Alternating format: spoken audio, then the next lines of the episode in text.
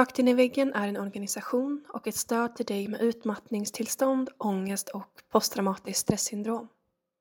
I de här avsnitten, som vi kallar för personlig podd, berättar gästen sin historia utifrån sitt perspektiv och med sina egna ord. Du är varmt välkommen att återkoppla till gästen eller till oss på Rakt in i väggen efter att du har lyssnat på ett avsnitt. Vi hoppas att du får en givande lyssning och tack snälla du för att du tar dig tid att lyssna. Hej! Jag heter Ann Liljeroth och jag är författare. Det har jag inte alltid varit. Jag har varit eh, massa andra saker. Administratör, utbildare, kommunikatör, konsult, chef, medarbetare. Och jag har haft utmattningssyndrom. Innan jag börjar berätta mer om det så vill jag passa på att tacka Alexander och Jennifer som har bjudit in mig till podden. Ni gör ett fantastiskt jobb. För det är verkligen viktigt att vi håller det här samtalet igång. Vi får inte sluta prata om utmattningssyndrom. För när vi gör det så har vi också accepterat att det är okej okay att bli sjuk för att man stressar eller för att stressen drabbar en. Och det i sig vore sjukt. Det är inte normalt att pressa kroppen så långt att den bryter ihop. Så låt oss hjälpas åt att prata vidare om det här. Själv var jag väldigt länge eh, i en situation där jag skämdes för att jag var, eller hade varit utbränd. Jag ville inte vara den där utbrända. Ja, ni vet, fast det är kanske någonting som mest sitter i huvudet när jag tänker efter. Eh, så småningom, efter många år, så bestämde jag mig i alla fall för att göra upp de där spökena eller demonerna och använda min erfarenhet av utmattning. Ehm, för som sagt, jag, jag tror att den behövs. Vi som vågar och vill och kan prata om det behövs på olika sätt i olika kanaler. Jag kommer återkomma till det eh, på flera olika sätt här under mitt lilla snack. Men som jag sa, jag är författare sedan några år. Eh, och min senaste bok den heter Jag kan inte sluta gråta. I den har jag använt mina personliga erfarenheter av utmattning och utbrändhet. Det är en roman, det är inte en faktabok om utbrändhet eller stress. Och det finns inga tips, det finns inga checklister. Eh, utan det är en skönlitterär bok. Eh, som framförallt kanske vill underhålla. Det kan man ju göra även med tuffa teman. Eh, och beröra. Men min förhoppning är ju också att den ska bidra lite grann till allmänbildning på området. Eh, jag tror nämligen att ju fler som på djupet kan förstå hur det känns och vad som händer när kroppen stänger av när hjärnan slutar fungera, när man absolut inte orkar någonting. Ju fler som förstår det, desto bättre kommer vi bli själva och våra arbetsgivare på att förebygga, förändra och hjälpa. det finns definitivt väldigt mycket saker vi kan göra för att förhindra att det händer. Inte minst genom att lära oss mer om hur kroppen fungerar och vad vi klarar av. Bokens huvudperson heter Josefin hon har just drabbats av utmattning och blivit sjukskriven när läsaren får träffa henne. Härifrån så får läsaren följa hennes knaggliga väg tillbaka. Och då pratar jag både om rent psykiskt naturligtvis, för det här sitter ju väldigt mycket som en mental smäck i huvudet, eh, men också fysiskt. Den handlar om, jag försöker beskriva konsekvenserna av hennes sjukdom. Allt det där runt omkring när man blir sjuk som ska hanteras. Det är både situationer som man hamnar i och relationer framförallt som man har som ska hanteras. Men först lite mer om mig själv innan jag pratar vidare om Josefin. Jag heter ju Ann som sagt och jag är uppvuxen på en gård utanför Skara. Men jag flyttade därifrån när jag hade tagit studenten. Sen pluggade jag utomlands ett tag innan jag flyttade till Stockholm när jag fick jobb. Ehm, jag har kombinerat jobb med studier i olika omgångar. Ehm, jobbat mycket, gjort karriär som det heter och eh, har familj. Idag är mina två söner vuxna och har flyttat hemifrån så att just nu lever jag liksom andra vågen om man säger. Jag har arbetat med kommunikationsfrågor och företag och som frilanskonsult. Ehm, min senaste, eller jag kanske ska säga sista anställning, jag kommer nog inte bli, ta anställning någonstans igen. Eh, min senaste anställning hade jag på ett då nystartat telekomföretag. Där var målen tuffa. Eh, planerna ändrades ständigt och jämt och det var, nej, det var ju tufft för alla som jobbade. Det var inte bara för mig. Jag jobbade i alla fall och tog för mycket och eh, alldeles för länge under en period och jag hamnade en dag med en förskräcklig hosta som jag haft jättelänge på företagshälsovården. Och där det hela slutade med att en läkare skickade hem mig och så småningom så blev jag sjukskriven för utmattningssyndrom. Det här var ju några år sedan så att det var inte så vanligt på den tiden. Summa summarum, jag gick aldrig tillbaka till min arbetsplats. Och den där dagen när jag satte mig där i väntrummet hos företagshälsan, det var nog en av min livs svåraste dagar. Tror jag. Okej, okay, tillbaka till boken. Den här Josefin då som jag har skapat, vad är det som händer med henne? Ja, som ni förstår så är Josefin till, till en stor del ett alter ego, men eftersom jag har tillåtit mig att låta henne vara en romanfigur så har jag också kunnat sväva ut lite grann med Josefin. Nåväl, Josefin är i alla fall en helt vanlig kvinna mitt i livet. Hon är väldigt duktig på att få saker och ting gjorda. Hon är social, hon är ju småbarns förälder, Väldigt duktig på jobbet. Hon eh, ser till att ha, ett, eh, ha det fint hemma, hon har många vänner. Hon tycker om att ta hand om folk runt omkring henne. Och hon tycker nog att hon är ganska bra på att ta hand om sig själv också. Hon är uppvuxen med det som många av oss känner igen som Jesus lutheriante, det vill säga om man arbetar hårt så kommer det att löna sig. Eh, och man ska göra rätt för sig. Många kallar den här gruppen av kvinnor för duktiga flickor. Men vi får inte glömma att hon faktiskt trivs med det här. Hon trivs med sitt liv. Hon har kämpat ganska hårt för att, för att skapa det här livet som hon har. Eh, och hon vill inte ändra på någonting. Det här tycker jag är en viktig parameter när vi pratar om utmattningssyndrom och komma ihåg att ingen, absolut ingen som drabbas av det här vill bli utbränd. Tvärtom är det så att den som, som är på väg in i, i, i den här överstresssituationen har försökt att stå emot det här jättelänge, jobba vidare, klara sig över den här pucken. Men det går ju inte längre, det har hållit på alldeles för länge. Själv hamnade jag hos företagshälsovården. Andra människor som drabbas, som kommer inte upp ur sängen. Vissa vet inte om de är på väg till jobbet eller precis har kommit hem. Kroppen skriker och säger nej. Och då är sjukdomen ett faktum. För vi pratar om en sjukdom. Och det är naturligtvis också precis det som hände Josefin. Till slut blir uppgifterna på jobbet bara ett virrvarr av listor, e-post, möten, diskussioner och krav. Hon försöker förtvivlat att jobba i kapp, men det tar liksom aldrig slut. Dessutom så skulle jag vilja beskriva den arbetsplatsen som Josefin är på som en slags getingbo. Alltså hon är på en arbetsplats där man inte säger nej. Det råder en slags eh, tävlingskultur. För om man inte är med så är man ute och det finns alltid någon annan som tar din plats om du inte orkar. Så därför blir det övertid på övertid och det finns liksom ingen plats för återhämtning. Jag tror att många kan känna igen sig i den här situationen. Tyvärr.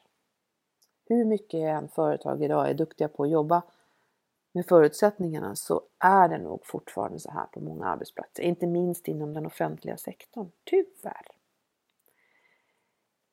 Det finns läkare eller psykiatriker som jag har träffat som pratar, som talar om att det är en slags eh, för utbrända de beskriver det som ett slags inre skavsår, en värderingskris.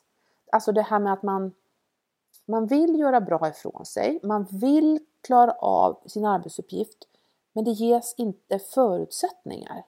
Det är som att vara en fisk som, som ständigt simmar motströms, om ni fattar det går till slut inte längre. Man orkar inte. Och det är precis det som händer med Josefin. Hon blir sjuk, hon blir sjukskriven och när hon träffar läkaren så bryter hon ihop. Eh, det är egentligen en, en sjuksköterska. För mig var det en sjuksköterska som jag träffade. Hon tittade mig djupt i ögonen och frågade Hur mår du egentligen? Och det var som att sätta ja, en liten nål på en ballong så pang så började jag gråta. Jag var där. Jag satt på en pall mitt i undersökningsrummet, hostade så att jag nästan kräktes och så fick jag den där frågan och, och tårarna brast. Strömmade, jag fick inte ett ord ur mig. Jag vet att jag satt där i timmar innan en kollega hämtade mig, satte mig i en taxi och tog mig hem. Vet ni, ibland kan jag tänka att den där sjuksköterskan faktiskt räddade mitt liv.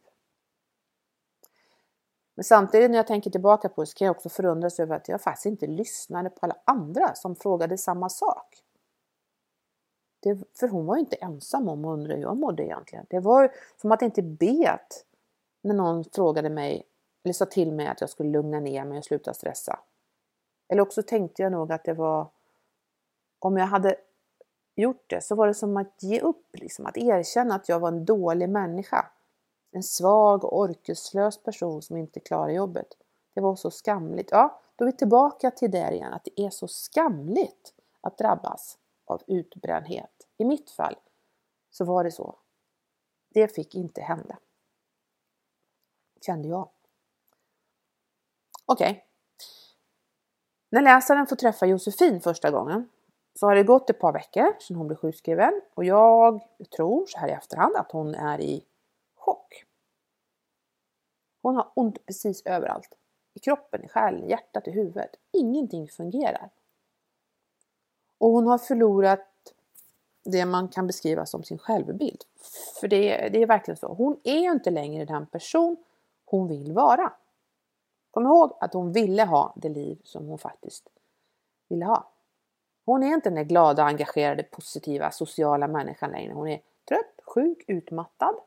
En som inte räknas, som du inte kan räkna med. Fel, ful, fel, ful och trasig var det någon som sa. Vad har en sån människa för plats? Alltså vi pratar om sorg. En djup, djup sorg här. Sorgen över att ha förlorat sig själv, den man var. Där man kanske inte alltid, men kanske också har gillat. För som sagt, ingen vill bli sjuk av utmattning. För mig var det i alla fall så. Jag gillade i alla fall mitt liv just där och då. Även om jag idag kan känna att det var helt galet. När jag tittar tillbaka på hur jag levde, hur jag jobbade, vad som hände i mitt liv. Det var helt galet. Så mycket krav, stress och förväntningar. Oftast mina egna ska tilläggas. Men så det absolut, absolut värsta i den här situationen. Eh, skam, sorg, ja, men också rädsla. För hur ser framtiden ut? Jag visste inte, Josefin vet ingen, ingen vet. Om man bryter ett ben eller får en cancerdiagnos eller får lunginflammation så vet man ju oftast att ja, du har en viss rehabiliteringstid. Det tar 6 till 8 veckor eller si och så många behandlingar så kommer du vara bra igen.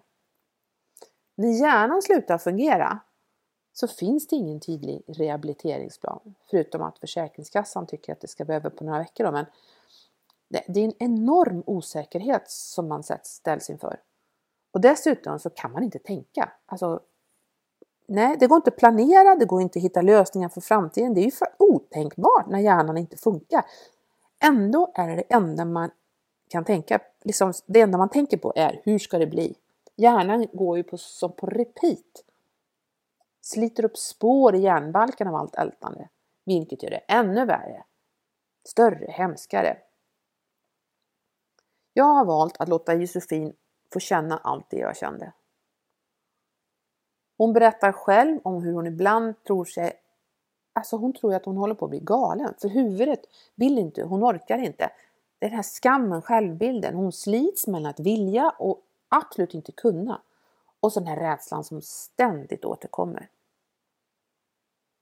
Då, när jag var sjuk, så kunde inte jag sätta ord på hur det kändes. Det, det gick liksom inte att beskriva för någon vad som pågick inuti mig.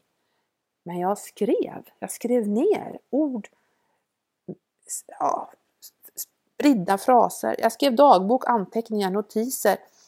Och sen med det här författarskapet som jag har växt in i så har jag kunnat tyda och gestalta och använda mig av det här.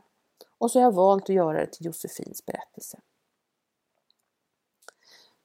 Men känslostormar räckte ju inte utan jag behövde en historia också, något som tar läsaren framåt i tiden och som driver på. Och då bestämde jag för att beskriva hur Josefin tar sig tillbaka, hur hon trevar i sina relationer med andra människor, var hon tar hjälp, vilka som hjälper henne och så vidare. Och det var här jag hittade en kombination. En fiktiv historia om en människa som drabbas av utmattningens alla kval. Based on a true experience kanske vi kan kalla det för. När man är utmattad fungerar ju inte hjärnan som på en frisk människa. Men världen snurrar ju på ändå. Även om hjärnan, alltså hjärnkontoret står ju still, det funkar ju inte, så förväntas man ändå fatta beslut. Man ska hantera de här situationerna, relationerna som jag pratade om tidigare. Det kan vara allt ifrån enkla beslut som att ja, vad ska jag äta idag? Eh, kanske ska jag duscha? Eller till kontakter som man ska ha med läkare, försäkringskassa, arbetsgivare, familj eller vad det nu är. Eh, och mycket av de här vardagliga sakerna som man inte ens tänker på normalt, det blir ju oöverstigliga hinder. Alltså lyfta telefonluren och ringa ett samtal, det kan vara hur jobbigt som helst. Dessutom i ett läge när man inte vet vem man är. I mitt fall så var det så att de här frågorna, de här sakerna som jag skulle hantera och hur jag skulle hantera dem, vad jag ville med allt det här, det blev till någon slags existentiell kris. Tror jag i efterhand. Alltså vem är jag? Vad vill jag? Jag tror inte det här är alls ovanligt att man hamnar här. Man har ju på något sätt förlorat sitt gamla jag och då kommer frågorna krypande automatiskt. Okej, okay, det fungerar inte. Vad ska jag göra då? Och det här är ju frågor som man inte... Det är så stora frågor så att de är jättesvåra.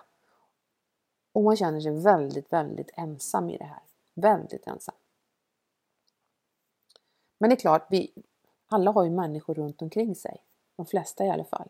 Det kan vara familj med vänner och kollegor. Så här.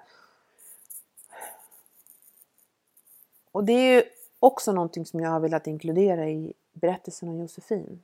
Hur berörs alla de här människorna? De vet ju att Josefin är utmattad, att hon är sjukskriven. De vet att hon måste vila och få återhämtning. Men de tänker ju allihopa att ja, men när hon har gjort det så kommer hon att bli bra. Hon kommer att bli som förr. Och under tiden så måste de ju förhålla sig till Josefin under hennes sjukdomsperiod. Men det kommer att bli bra. Jag kan se att olika människor har olika strategier för hur man förhåller sig till en sjuk, utmattad person. En person som du inte ser att den är sjuk, men du vet. Men du vet inte hur och du vet inte hur du ska relatera till det. Det finns olika strategier här. Jag har identifierat några av de här. Det finns människor som är undfallande, det vill säga de tar en liten sväng om och försöker undvika. De tänker jag kommer tillbaka när hon har blivit frisk. Går över på andra sidan gatan och låtsas som de inte ser. Sen finns det de som vill trösta. I Josefins fall så är det hennes barn som ju ser att mamma är jätteledsen och ja, de vill ju trösta henne och säga att det kommer bli bra och tänk på det här, ge små sådana goda råd på ett trösterikt sätt. Sen finns det de som inte riktigt tror på det här med utbrändhet. Ja, tror det eller ej, men jag har mött dem. Eh, de finns där ute. De kan inte riktigt förstå eh, och de använder sig av begrepp som ja, ja, det kommer att lösa sig ska du se. Det tar bara lite tid. Eller ja, vi har väl alla en släng av utbrändhet ibland. Den kanske ni har hört också. Den fjärde gruppen av människor runt omkring, det är rådgivarna. Det är de här som vet hur man ska hantera det här. Inte för att de själva har varit i det, kanske alltid, men de har läst. Och de vet ju någon som har varit där och ofta då så vet de någon som har varit där mycket värre an än vad du personligen är om du är det här. De här råden, ja, gör så här, gör så här. Så har vi lyssnarna som ju är fantastiska och oftast väldigt uthålliga människor som orkar stå kvar. Och så har vi den sista gruppen som är de otåliga som efter en tid säger att nej, nu räcker det. Nu får du ta och rycka upp dig. De som inte förstår att det inte finns någon rehabiliteringstid för utbrända människor. Och i Josefins fall är det nog relationen med hennes man som är den absolut tuffaste visade sig. Det är jättemånga som har hört av sig till mig som har berättat om de känner igen sig i berättelsen om Josefin, som tackar för att jag satt ord på hur det känns att sitta där i det där svarta hålet som någon sa, att inte orka. Det är många, många som har varit där. Utbrändhet har ju blivit vår tids stora sjuk, folksjukdom. Och med det har det också normaliserats. Det är okej okay att människor bränner ut sig. Vi har accepterat att människor pressas så till den gräns att kroppen slutar fungera. Hur sjukt är inte det? Jag kan inte sluta fundera på hur det har blivit så här. Hur har vi hamnat här? Har vi blivit så hårda mot varandra? Eller är den här grundläggande förståelsen för vad det innebär så dålig? Och visst är det sjukt att vi, alltså den person som blir sjuk, ska ta ansvar för att man är sjuk. Alltså det är ju helt omöjligt att ta bra beslut när man inte har en fungerande hjärna. Hur galet har inte det här blivit? Och varför görs det så lite? Ja, det var tusen frågor som fortfarande, eh, alltså jag har tusen frågor som fortfarande snurrar i mitt huvud. Nu har jag pratat med väldigt många som kan väldigt mycket om det här medan jag har under tiden jag har skrivit min bok. Bland annat så har jag fått lära mig att det talas om epidemier av utbrändhet. Alltså den första epidemin såg vi någon gång på 80-talet. Som, den uppstod i, i, i, i svallvågen av alla uppsägningar och effektiviseringar som skedde på 80, i slutet på 80-talet. Den andra epidemin, den var efter krisen på 2000-talet. Och den tredje, dagens utmattningsepidemi, epidemi, eh, är ett resultat av det som man kallar för New Public Management, det vill säga den effektiviseringsvåg som man ser genom offentlig sektor framförallt. Allt ska mätas, räknas, dokumenteras, det ska ske enligt processer och system. Där målstyrning är viktigare än eget omdöme. Det är fler som sjukskrivs idag, det är yngre som drabbas och dessutom är de sjukskrivna under längre tid. Var fjärde sjukskriven drabbas igen. Vi vet ju att det är arbetsrelaterat, ändå görs det så lite. Jag började skriva som en del i min egen rehabilitering för många år sedan. Att sätta ord på papper, det hjälpte mig att komma ihåg vad jag tänkte. Alltså jag kunde fånga upp en tanke och sen fortsätta spinna vidare på den efter ett tag. Och på det sättet så fick jag tag i ett mönster och lyckades fånga idéer som annars hade fladdrat förbi på något sätt. Att det då skulle bli en bok av det här, eh, det hade jag inte en tanke på inte alls. Som jag sa tidigare så efter min egen sjukskrivning så gick jag aldrig tillbaka till min dåvarande arbetsplats utan jag startade eget och började frilansa. Men jag ville också göra någonting roligt, alltså någonting som var inte jobb utan bara för mig själv. Jag kunde få energi av på något sätt. Eh, en hobby om man så vill. Jag visste inte riktigt vad det skulle vara så att jag testade lite olika saker. Men bland annat så anmälde jag mig till en skrivarkurs. Och för mig så öppnade sig en helt ny värld då. Det här var nytt, det var roligt. Jag fortsatte med skrivandet och så pluggade jag litteraturvetenskap i några år på universitetet. Och där fick jag till uppgift att skriva de 50 första sidorna på en roman. Samma veva träffade jag en vän, eller en vän, som hade varit i förlagsbranschen och han erbjöd sig fråga en kollega om hon ville läsa och ge feedback. Och när hon hade läst så skrev hon till mig och sa Hör du, när du har skrivit färdigt den där romanen då vill jag läsa den. Och på den vägen var det. Min första roman släpptes 2013 och heter Bara människor. Runt boksläppet där eh, 2013 så gjordes det en del artiklar och intervjuer med mig. Och de flesta av dem handlade om att jag hade varit utbränd men funnit skrivandet och därmed hittat en ny karriär, ett nytt, ett nytt, yrke, nytt yrke. Efter månader av det här med det var, ja, det var månader som jag då återigen fick befinna mig i det här med att vara den här utbrända människan. Men jag kände att jag orkade inte, så jag bestämde mig för där och då att jag aldrig mer skulle prata om det, att jag var färdig med ämnet. Det räckte. Fortfarande väldigt skamfyllt för mig. Sen ett par år senare så hade jag en liten dipp. Det händer ju att man blir lite deppig och känner att man inte orkar. Eh, och då satt jag mig och skrev mitt verktyg. Och jag skrev på min blogg den här gången om hur det kändes. Det här som satt djupt, djupt i mig och, och som bara gjorde ont där inne. Och det här inlägget, det blev viralt. Det var tusentals som delade. Jag fick meddelanden från människor som jag inte känner som tackade för att jag satt ord på känslorna och så vidare. Och sen hörde Expressen av sig och undrade om jag inte ville skriva ett debattinlägg på ämnet att jobba sig själv sjuk. Och jag skrev och även det blev viralt och jag fick nya meddelanden från människor. Så jag fortsatte att skriva lite längre den här gången och så bad jag en vän vars man har varit utbränd att läsa och hennes respons var Alltså du måste skriva färdigt för det gör så ont. Det här är så bra. När långt senare min förläggare läste det här manuset så var hennes reaktion den att eh, hon, eller hon sa att hon hade, känner ju många som har varit drabbade men hon har inte riktigt förstått vad det innebär sa hon.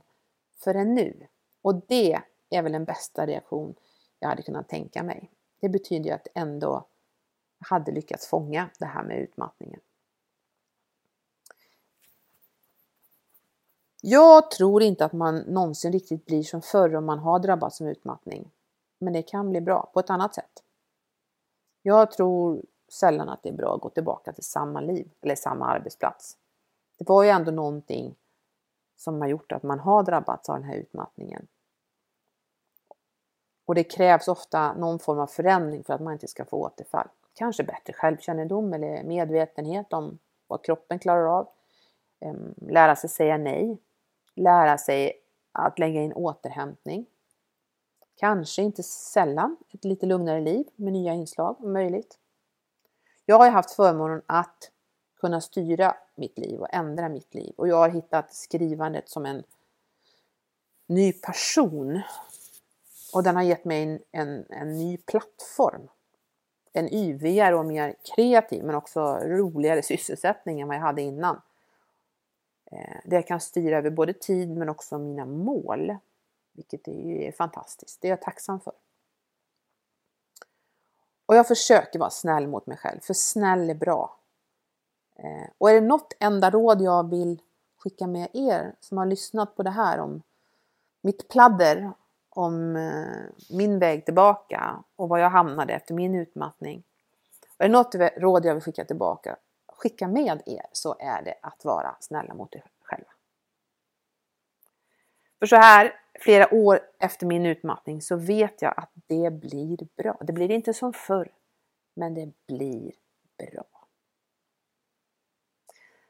Tack för att ni har lyssnat och tack återigen Alexander och Jennifer för att ni gör den här podden. Den är viktig. Är du som har lyssnat nyfiken på boken Jag kan inte sluta gråta så finns den att köpa hos alla nätbokhandlare eller i andra bokhandlare. Eh, mina tidigare romaner hittar du också där. Ha det gott!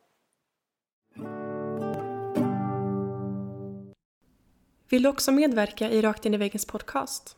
Besök vår hemsida för mer information på www.raktinivaggen.com medverkan. Om du vill tipsa oss om en poddgäst eller om du har en fråga eller synpunkt på det vi gör kan du alltid mejla oss på podcast raktinivaggen.com för att få svar. Tack för att du lyssnar.